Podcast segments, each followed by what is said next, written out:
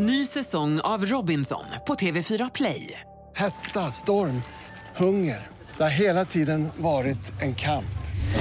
Nu är det blod och tårar. Fan händer just nu. Det. är Detta är inte okej. Robinson 2024, nu fucking kör vi! Streama söndag på TV4 Play. Podplay. Hej alla lyssnare! Innan avsnittet börjar så vill vi bara tipsa om att alla avsnitt i denna säsong finns ute redan nu på Podplay. Så vill du inte vänta en vecka mellan avsnitten så tycker vi att du ska gå in på podplay.se eller i appen Podplay och lyssna där helt gratis. Där hittar du bland annat säsongens höjdpunkter som ljudet The Bloop och sjörövarskatten på Oak Island. Nu börjar avsnittet. Du presenteras nu för obekräftad information. I avsnittet får du höra om konspirationsteorier och varför vissa människor tror på dessa.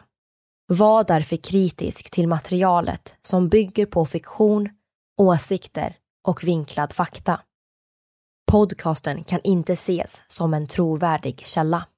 You are looking at a, obviously a very disturbing live shot there. That is the World Trade Center, and we have unconfirmed reports this morning that a plane has crashed into one of the towers. This is certainly the worst and most coordinated single attack in the history of the United States.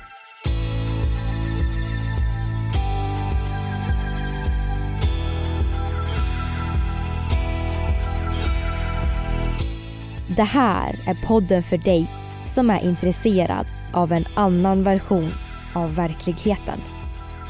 En version som tar upp alternativa teorier, mystiska sammanträffanden och diskussioner om vad som kan vara sant.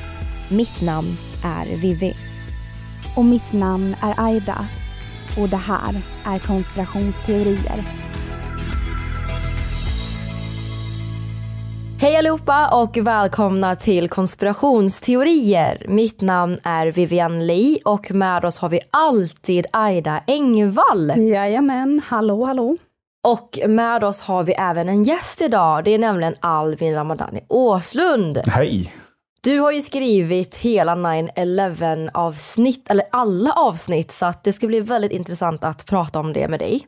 Ja, det är jätteintressant att få, få vara med här. Mm, vi har ju liksom hur mycket mer som helst att ta upp. Precis, det, ju, det blev ju ett antal avsnitt där och eh, ja, som du säger Aida, allting kommer inte med. Nej, precis. Men innan vi börjar så har vi en liten fråga. Och det är vad du tänker på när du hör ordet konspirationsteorier. Ja, det första som dyker väl upp är väl bilden egentligen av en eh, foliehatt. Kanske. Och sen så nummer två som dyker upp, det är väl fram, framförallt 9-11 skulle jag vilja säga. Det är den första liksom, konkreta konspirationsteorin som dyker upp för mig. Därför har det också varit superintressant att få jobba med er angående det här avsnittet. Mm. Eh, men konspirationsteori, ja det är väl helt enkelt en grupp människor som tror på någonting som kanske inte riktigt baserat i vedertagen fakta eller kanske i den fakta som sprids. Mycket bra svar. Mm, nej men vi brukar alltid börja med att fråga så vad folk tänker på när de hör ordet konspirationsteorier. För det är väldigt intressant. Det är lite olika från person till person. Mm.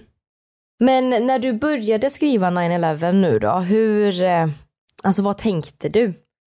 För att så här, det är en helt, du vet, det är verkligen att grotta in sig och det är inte bara att läsa om teorin utan man läser ju om alltså sprängämnen och massa annat vid sidan om.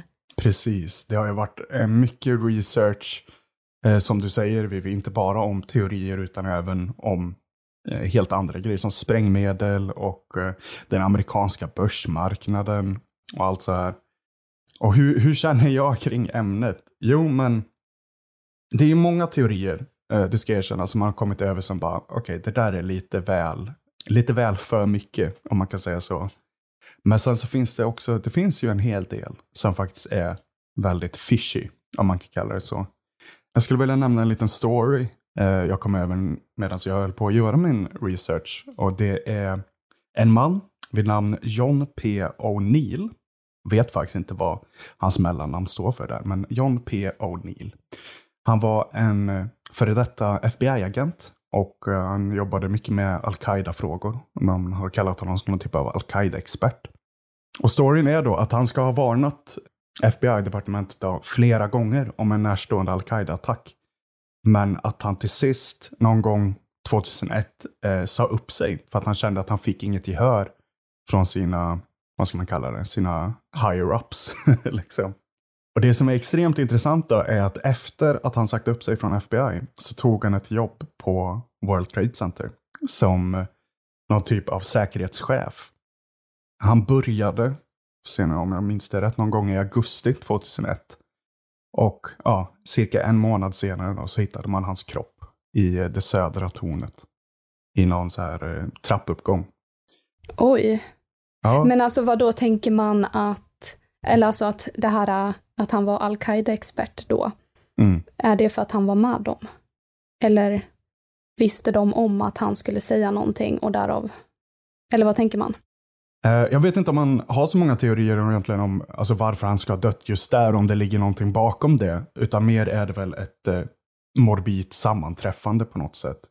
World Trade Center var ju ändå det ekonomiska centret i New York City och kanske till viss del även i hela USA, alltså hela landet. Och det omsatte ju såklart en stor andel personal. Och hans erfarenheter inom FBI gjorde honom ju extremt kompetent eh, inom säkerhetsfrågor. Så det är väl bara ett sammanträffande egentligen. Men det är någonting sådär som är lite, mm, är det verkligen ett sammanträffande? Det är lite för skumt liksom. Ja, ja, ja, ja. Jag tänker väl lite så här att han hade varnat om det här, men alltså de tog det inte på allvar eller så här. Han kom inte vidare med det och det känns som att kan det vara så att en överordnad liksom kanske visste om det här redan men ville att det skulle ske, alltså att den här terrorattacken skulle ske så att de kunde ha anledning att starta krig. Mm, precis, det är någonting lite vi har pratat om i det senaste avsnittet. Där vi pratar om de två olika huvudgrupperna av teorier. Alltså Lie-Hop, Let it happen on purpose och My-Hop, Made it happen on purpose. Så då, det skulle ju definitivt kunna vara något sånt där, att det är någon som visste att det här skulle hända, men man vill inte få ut informationen kanske. Kanske kan det vara så här också att han blev rekommenderad, kanske, att få, få ett jobb eh, där när de någon överordnad som du sa, vi bara, ah, men vad tråkigt att du ska lämna FBI, du vill inte jobba i World Trade Center istället. Man, man ska inte säga för mycket, för som sagt, det finns inte så mycket konkret bakom det här, men det är... Ja, skumt är det ju i alla fall. Mm. Mm, väldigt. Och en till grej som är väldigt skumt med just 9-11 är ju hur byggnaderna faktiskt föll. Man pratar ju om att det såg väldigt perfekt ut om man får säga så. Precis. Och det, det är någonting som är genomgående när jag har gjort min research här. Att det är många som pekar på just att byggnaderna faller så, vad man vill kalla det, kanske symmetriskt. Eller som du säger Vivi, perfekt. Det ser inte ut som en, inom situationstecken, olycka eller en okontrollerad demolering. Det, det ser nästan ut som en kontrollerad sprängning. Och det är också någonting som dyker upp bara direkt minuter efter attacken så börjar folk kommentera online eh, på videoklipp att det där ser inte riktigt, riktigt, riktigt ut. Om man kan säga sådär. Utan det ser nästan, ja, det ser planerat ut. Mm, och då har man ju pratat om typ så här, men kan det ha funnits sprängmedel i balkarna som gjort att det föll så? Att man då på något sätt har planerat det här långt innan och eh, var beredd på att det här skulle hända liksom. Och att folk förmodligen visste om det. Frågan är bara vem. Men precis. Det går väl lite tillbaka till det här, jet fuel can't melt steel beams. Utan att det måste ha funnits någon typ av sprängmedel med i bilden. Jag tror också vi har pratat om det i något av avsnitten om det här med termit, vilket är en teori. Supertermit. Supertermit, ja. Vilket är, vilket är en grymt sätt att försvara när någon kritiserar att termit kan inte göra det där. Ah, men det är supertermit. Då finns det inte längre något försvar. Liksom. Det finns teorier och kanske även en del fakta som pekar på att det finns flera myndighets, eller amerikanska myndigheter som hade kontor i World Trade Center 7, alltså byggnaden som faller senare på kvällen i New York. Och teorin är ju då kanske att det här skulle varit någon typ av huvudkvarter inför sprängningen. Och sen spränger de även den byggnaden för att eh, sopa igen spåren efter sig. Mm. Men väldigt smart om det är så att det här är en konspiration. Precis.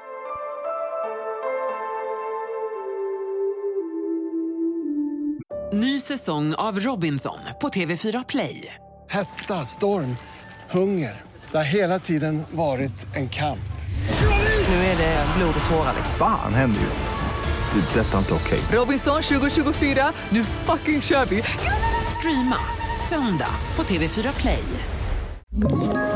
Ett poddtips från Podplay. I fallen jag aldrig glömmer djupdyker Hasse Aro i arbetet bakom några av Sveriges mest uppseendeväckande brottsutredningar. Går vi in med hemlig telefonavlyssning och, och då upplever vi att vi får en total förändring av hans beteende. Vad är det som händer nu? Vem är det som läcker? Och så säger han att jag är kriminell, jag har varit kriminell i hela mitt liv men att mörda ett barn, där går min gräns. Nya säsongen av Fallen jag aldrig glömmer på Podplay.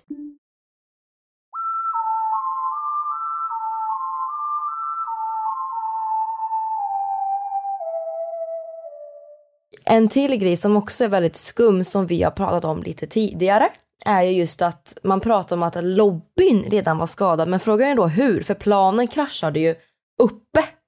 Mm. Precis, folk, folk har ju pratat om hur de har sett lobbyn i, i kaos. Liksom strax efter impakten ifrån planen.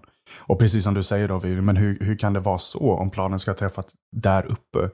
Det, det skulle rimligtvis kräva en del tid för att, eh, ja, men för att lobbyn skulle skadas på det sättet. Eftersom att skadan skulle behöva komma uppifrån och ner, snarare än nerifrån och upp. Mm. Så det är också jätteskumt.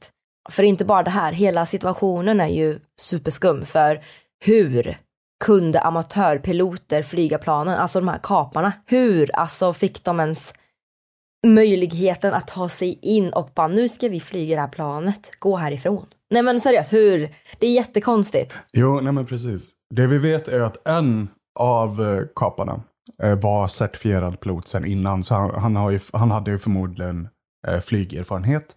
Och då även av större flygplanstyper. Men de andra tre kaparpiloterna har ju knappast någon utbildning alls. De kommer in i USA ungefär ett år innan attacken och genomför någon typ av eh, flyg, flygträning i USA. Men det finns ju ett, ett, stort, det känns som ett stort steg att ta från att lära sig att flyga en liten Cessna eller vad det nu kan vara, till att lära sig att flyga en jumbojet. Och dessutom kunna manövrera det, eller dem, eh, på det sätt som de här piloterna har lyckats med. När de kraschar in i World Trade Center och i Pentagon.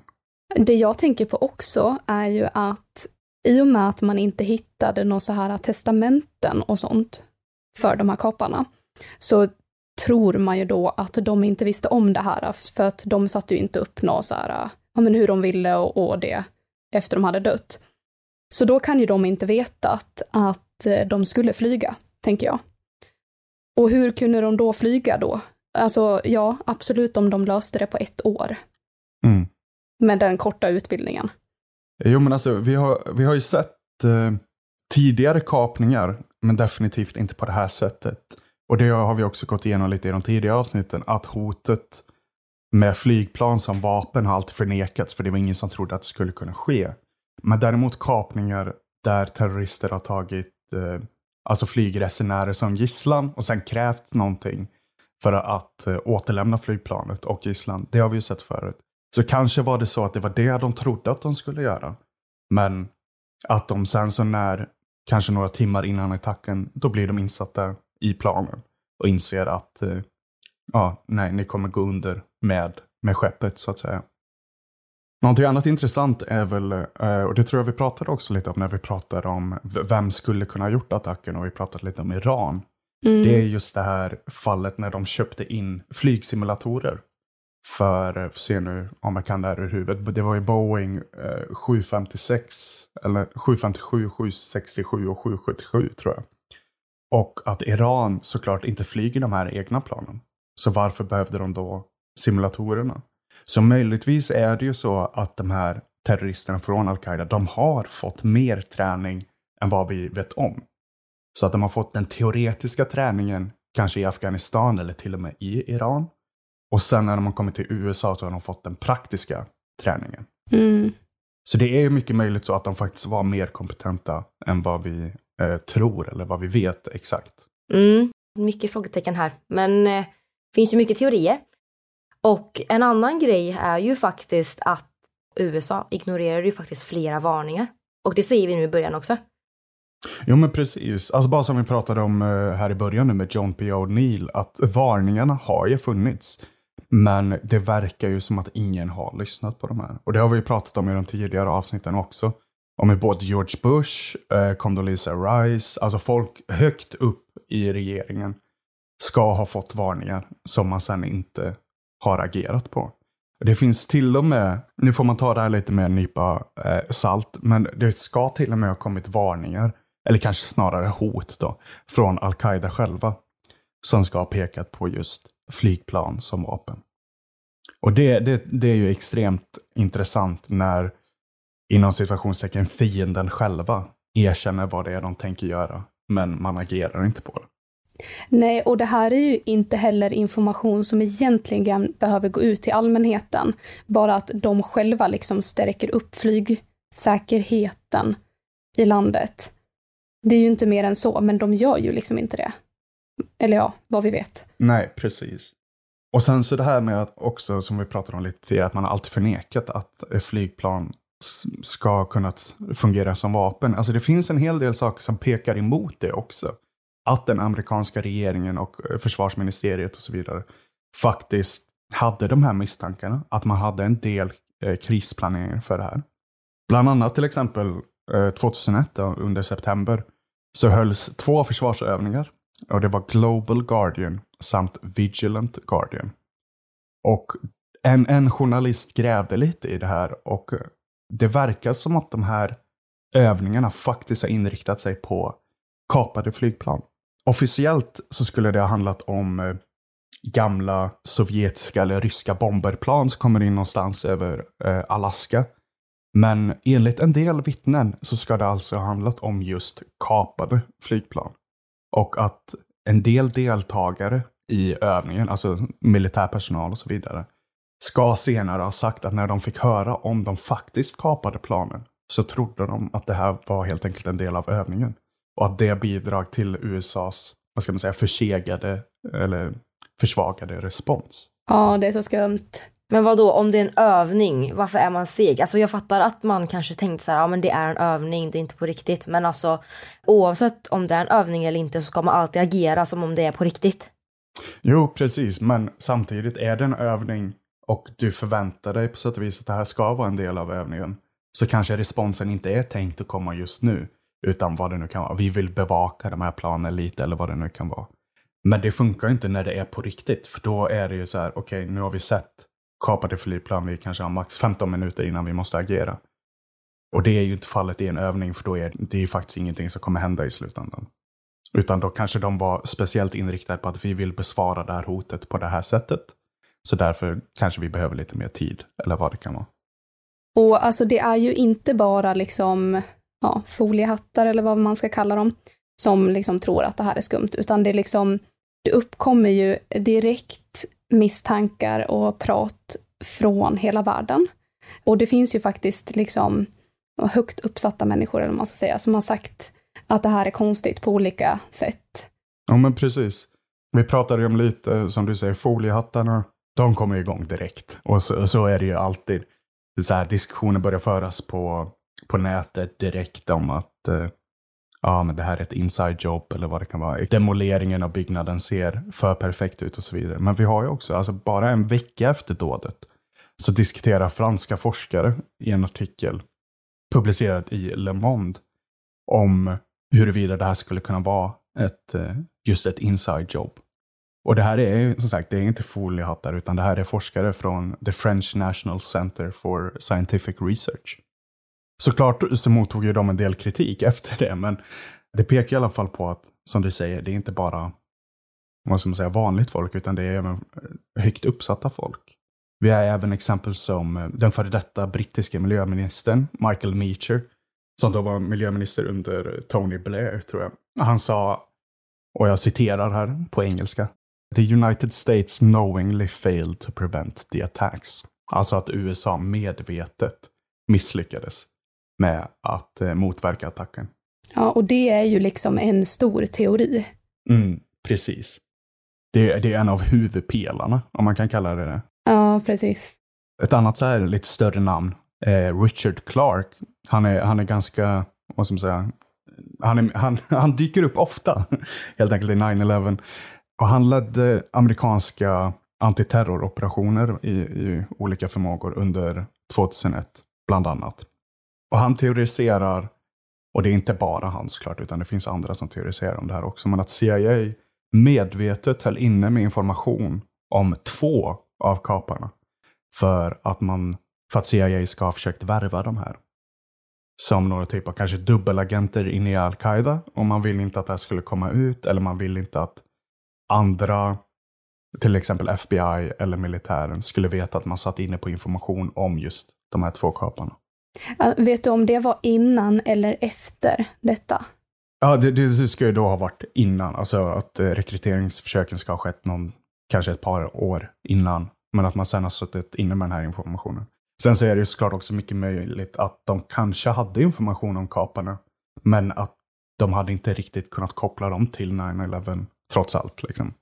För att den informationen fanns inte. De kanske inte ens visste att de eh, vid tillfället befann sig i landet. Nej. Det är ju det att, som vi pratade om lite innan, alltså hur, dels hur kom de in i landet? När ett, ett par stycken av dem redan var kopplade till Al-Qaida och andra terroristorganisationer. Men också hur kom de in på flygplatserna och hur kom de in på flygplanen? Och ordföranden för den senare 9-11-kommissionen, eh, som alltså fick i uppdrag att undersöka USAs brister när det kommer till att försvara sig själva mot liknande attacker. Han sa att eh, 16 eh, av de 19 kaparna borde inte ens ha fått tillåtelse att komma in i landet på grund av olika problem med pass, olika problem med visa och så vidare. Så någonting har ju gått extremt fel när man har tillåtit dem att komma in. Men frågan är då om den här personen som tillät dem att komma in också var inblandad. Nu tog Vivian på sig hatten här. Ja, men alltså, jag menar bara, tänk om det skulle kunna vara så. För att ja, någonting gick snett, otroligt snett också. Det var inte bara en person man släppte in. Det var flera. Precis. Men också i och med att det är flera, så de borde ju gå in olika tidpunkter i landet då. Gå in, ja men ni förstår vad jag menar. Ja, ja. Och så här, då kan det ju inte vara en människa som hjälper dem. Då, är- då, det låter ju mer som att det är personal, eh, övergripande personal då, som inte riktigt har, ja, de har slarvat eller så här, de har inte riktigt brytt sig. Mm, precis. Nå någonting som händer efter 9-11 som jag tror vi har pratat om lite, det är ju skapandet av TSA. För innan attacken så ligger ansvaret för en flygplats eh, säkerhet, det ligger på flygplatsen själva och på flygbolagen själva. Och sen, det är först efter attacken som vi ser en organiserad federal myndighet, det vill säga TSA, som då tar över ansvaret för alla flygplatser. För alla flygplan i princip.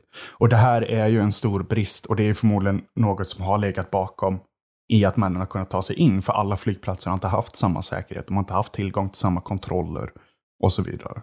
Men alltså att det fortsätter så pass länge att det måste ske dåd innan man inser att, vet ni vad, flygplatsen, här behöver vi lite säkerhet för här kan folk komma in i ett annat land och liksom härja runt. Och men det det är ju definitivt någonting vi har sett och som också kanske har blivit värre slash bättre beroende på hur man ser det nu under de här senaste åren. Men just hur säkerheten på flygplatser blir allt mer och mer skärpt, allt mer och mer kontrollerad. Och det är ju en direkt konsekvens av attacken den 11 september. För innan det så var det i princip bara, ja hej, välkommen, kom och sätt dig på vårt plan. Men nu är det, har du en parfymflaska? Du, eh, ja, grattis, du är arresterad. Ja, det är ju för sig väldigt bra. Det är, det är ju det. Och, som vi vill säga, det är ju tragiskt att någonting sånt här ska hända för att man ska ens reagera och få tillgång till den här säkerheten. Men samtidigt så var det ju så, alltså man, man, de flesta förväntade sig inte att någonting sånt här skulle kunna hända. Att någonting så här hemskt skulle kunna hända. Förutom kanske då Förutom, förutom kanske då ett antal personer. Exakt. Ja. ja, högt uppsatta personer om jag får vara med och tillägga det. Mm. Exakt. Och det är så himla sjukt för det är liksom över 50 procent av USAs befolkning som tror att det är någonting med 9-11, att det inte är sanningen det som liksom har släppts utan att staten faktiskt gömmer information kring vad som hände. Precis, man har ju gjort eh, flera undersökningar på det här där man undersökt just vad, vad tror du om 9-11? Och det ska ju sägas såklart att de här 50 procenten, de tror ju eh, inte allihopa att ja, eh, USA gjorde det här medvetet eller så. Utan de fem, det är mer än 50 procent av USAs befolkning som tvivlar på den officiella utsagan till mer eller mindre grad. Men det, det pekar ju definitivt på att antingen är någonting extremt skumt eller så har man varit extremt dålig på att kommunicera, kommunicera om ämnet till den allmänna befolkningen. Mm. Liksom. Det finns ju en anledning till varför över 50% tror att någonting är fel. Och det är för att det finns så många hål i den officiella utsagan. Det har uppdagats så många lögner, så många folk som inte har vittnat sant, så många som har tänjt eller målat ut detaljer lite extra och sådär. Det är, bara, det, det, är för mycket skumt helt enkelt. Och här är han ändå, Richard Clark. Han skriver i sin bok Against All Enemies att eh, klockan 9.59 den 11 september, alltså det är ungefär när World Trade Center 2 kollapsar. Typ 10 minuter innan NORAD, eh, den amerikanska myndigheten som är ansvarig för luftsäkerheten, den militära luftsäkerheten. Cirka 10 minuter innan de ens vet att flight 93 har blivit kapat så påstår han då att FBI har redan producerat en lista på de 19 kaparna. Och det är ju skumt. Hur kan de, hur kan de ha listan, inte, precis, inte ens precis efter attacken, under, utan under attacken? Mm. Alltså innan Pentagon också. Precis. Precis, innan Pentagon och innan planet kraschar eh, ute i Pennsylvania. Mm. Det är skumt. Men sen så finns det ju kanske inte så mycket heller mer som backar upp honom i det här, utan det är väl hans egna utsaga. Mm. En uh, annan grej som många har pekat på som är så skumt och nästan pekar på någon typ av förmörkning. Det är Saudi-kopplingarna till attacken. Och det tror jag vi nämner i avsnittet också, att det här är någonting som kontinuerligt, alltså vi får fortfarande ny information. Det är fortfarande nya dokument som öppnas från, från att ha legat under sekretess. Liksom. Vi får tillgång till dem, vi får tillgång till nya vittnesmål och så vidare. Och eh, det finns en eh, senator, en, eller nu är väl han för, en före detta senator med Bob Graham, som satt som ordförande för senatens och, och representanthuset tror jag. De gjorde ju en egen utredning in i händelsen också i, och i hur de olika myndigheterna har misslyckats med, med att stoppa attacken. Och han säger då efter att eh, rapporten har kommit ut 2002 så sa han att han var helt säker på att eh, högt uppsatta människor i Saud den saudiarabiska regimen faktiskt stöttade attacken, eller faktiskt stöttade kaparna, ska man väl säga, när de befann sig i USA. Bland annat en eh, diplomat på det saudiska konsulatet i Los Angeles, Fahad al-Tumairi, ska ha varit direkt inblandad i att se till, bland annat till exempel att kaparna hade tak över huvudet, att de fick stöd och så vidare efter det att de tagit sig in i USA. Ja, för det tänker jag att det måste ju finnas någon som ger det. De får ju inte väcka för mycket uppmärksamhet när de är där innan de ska göra det. Så att det är ju bäst om någon annan gör det åt dem då. Precis. Det, det finns en hel del som pekar på att eh, Saudiarabien har haft en koppling till attacken. Och det finns också en hel del som pekar på att USA aktivt har försökt mörka den här kopplingen. Bland annat så pratade vi om de klassifierade sidorna i rapporten när den väl kom ut. Och att den, man kämpade väldigt länge på att eh, få dem avklassifierade. Men som sagt också att det är någonting som vi hela tiden får ny information om. Det är helt, hela tiden nya dokument som avklassifieras som visar på mer. Mer och mer. Ja, och liksom om det inte är någon Saudi-koppling så lär det ju ändå vara någon annat, något annat land. Mm. Eller så här, det beror ju på typ hur bra koll USA hade på al-Qaida då. Ja, de kanske hade någon annan där alltså undercover, som kunde hjälpa dem då. Precis. Förmodligen så hade väl Al-Qaida en hel del, vad man nu vill kalla det, agenter i USA. Mm. Men samtidigt är de ju, eller var, och är, en relativt liten organisation med inte mycket, supermycket resurser. Så som du säger, här, det känns nästan som att det behöver finnas någon där, kanske med officiella kopplingar, som en diplomat till exempel, och så, som kan stötta, stötta dem när de väl har kommit in i landet och när de håller på att förbereda.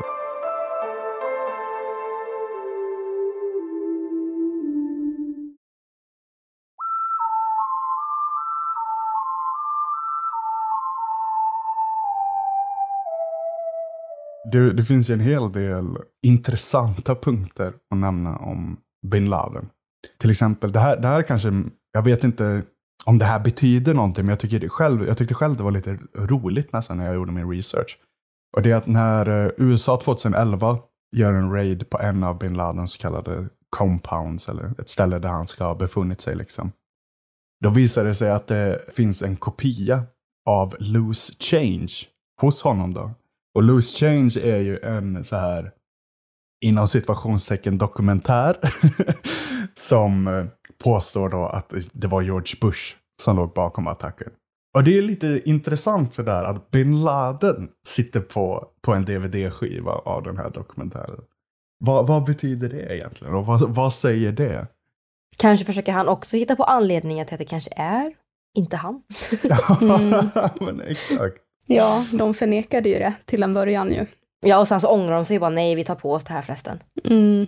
Det är också väldigt konstigt. Ja, det är ju, jag tycker inte kanske att det är så konstigt att eh, någon terrororganisation tar på sig att de har gjort någonting. Det tänker jag att de kanske vill göra även om de inte har gjort det. Mm. Det, det var ju någonting vi såg jättemycket med till exempel Isis, när de var som störst. Det var ju så här, ja ah, vi gjorde det här, ja ah, nej vi gjorde det där också, ja ah, vi, vi tar på oss den här attacken. Det blir mer skräck kring dem då. Precis. Det finns ju någon typ av alltså, terrorist-cred kanske i det. Man vill ju vara the big bad. Man vill vara organisationen som kan agera över hela världen och just sätter skräck i, i alla. Liksom. För det pekar ju på något sätt på att man är kompetenta kanske. Men det, det finns, ju, ja, det finns ju kanske någonting skumt i det där i att eh, de faktiskt inte tar på sig attacken först. Det bin Laden, det vill säga Al-Qaida. Men att de sen ändrar sig till att göra det. Men vad får de att ändra sig ju frågan. Blir de mutade eller fick de någon fördel eller insåg de att det kanske var bra att de tog på sig det? Så här, vad gjorde att de bestämde sig för att nej förresten? Jo, om de inte hade gjort det, men sen bestämde sig för att vi tar på oss det här ändå. Då så undrar man ju om de förstod att konsekvensen av det skulle bli att USA gick in i Afghanistan. Eller om de inte fattade det. Mm. Och vi har ju det, alltså talibanerna som vid det här laget har kommit till makten i Afghanistan. De förstår ju nästan direkt efter attacken att det här kommer leda till, en, till konsekvenser i Afghanistan. Det är Afghanistan som kommer drabbas. Ja, men då borde ju al-Qaida också fattat det. Precis. Det, det kan man ju tänka sig. Mm. Jag vet inte, det, det, jag, jag tycker det är skumt faktiskt. Det är att inga bilder på bin Ladens kropp efter att USA då gått in och plockat honom. Inga bilder har någonsin släppts av hans kropp. Man har aldrig dokumenterat hans död. Och det, det känns ändå som någonting kanske man skulle vilja göra när det är den största ondskan i USAs ögon vid det här laget. Det är ju Osama bin Laden. Eh, kan en grej till att man inte gör det vara att man tar människan till något internationellt eh, luft, alltså vad säger man, där det inte är något land och sen torterar? Alltså det är möjligt. Men då skulle man ju lika gärna kunna ta någon till Guantanamo Bay. Och USA har ju aldrig egentligen ljugit om, eller det har de, men de har aldrig myglat om vad som händer på Guantanamo Bay och vilka som sitter där. Jag tror snarare skulle det vara en enorm cred till USA att kolla, vi fångade honom. Och nu, nu sitter han här i vårt fängelse och vi gör vad vi vill med honom. Och det, det, det många teoriserar är ju helt enkelt, och det här är kanske en av de där teorierna som jag själv tycker är lite för stor, lite för out there. Och det är väl att bin Laden dog mycket tidigare. Och att jakten på honom var en, var en spökjakt. för att legitimera invasionen av bland annat Afghanistan och Irak. Ja, men vadå, den är väl inte så out there? Alltså både ja och nej. För skulle det vara så att bin Laden dog tidigare så säger det ju enormt mycket.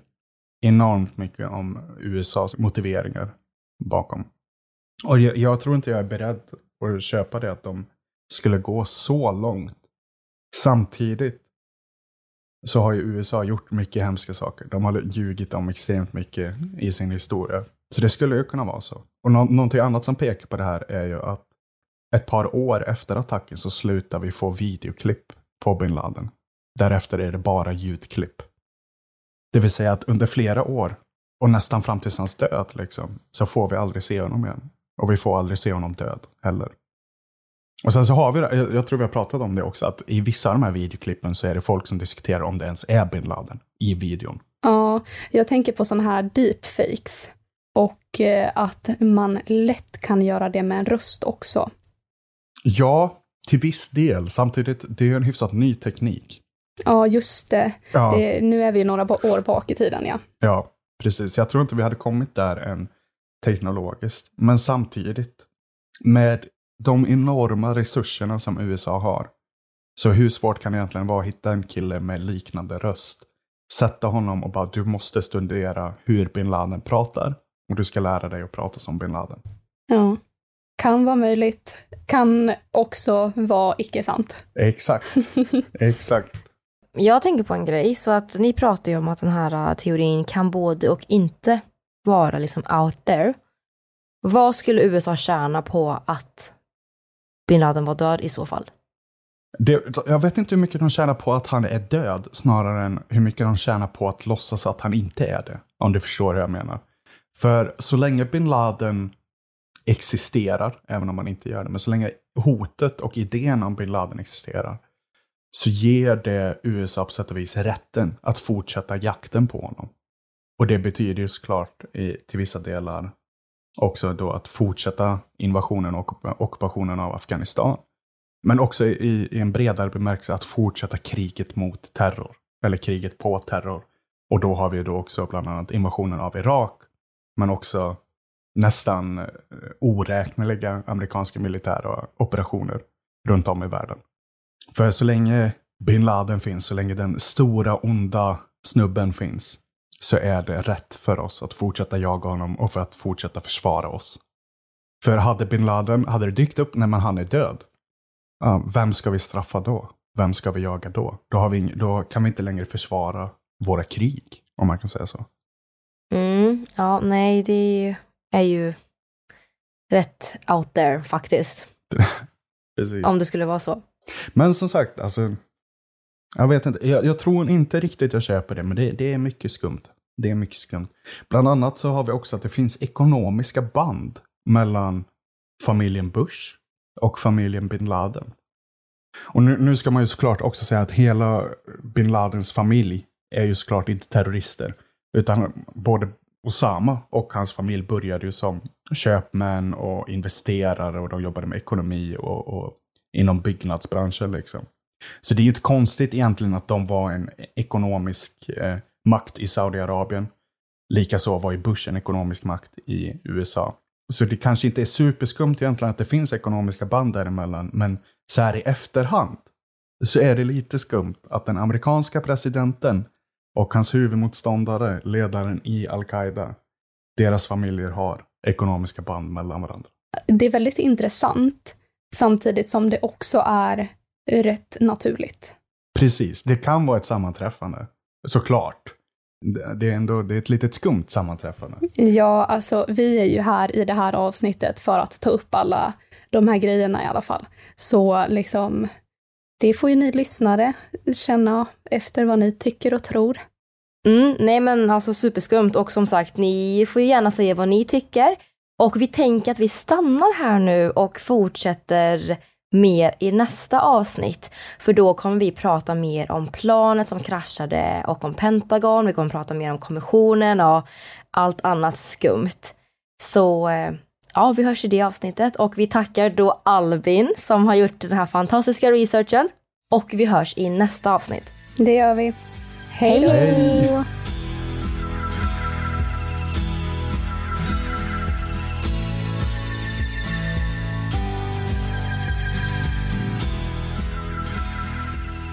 Du har lyssnat på 9-11 del 4. Avsnittet gjordes hösten 2022. Vi som har gjort programmet heter Vivian Lee och Aida Engvall tillsammans med redigerare Jenny Olli och manusförfattare Albin Åslund. Källorna till dagens program hittar du via vår Facebook eller Instagram där vi heter konspirationsteorier. Via våra sociala medier kan du även skicka in tips och önskemål på teorier som du vill höra i podden. Vill du höra fler avsnitt av konspirationsteorier? Besök din poddapp och lyssna på avsnitt som Pentagons UFO-rapport, I, I honestly don't know. I don't think that we have developed that technology. Bob Lazar och Area S4. The job I had, the involvement with, uh, you know, the government cover-up, that sort of thing. The story isn't altered. och mycket mer.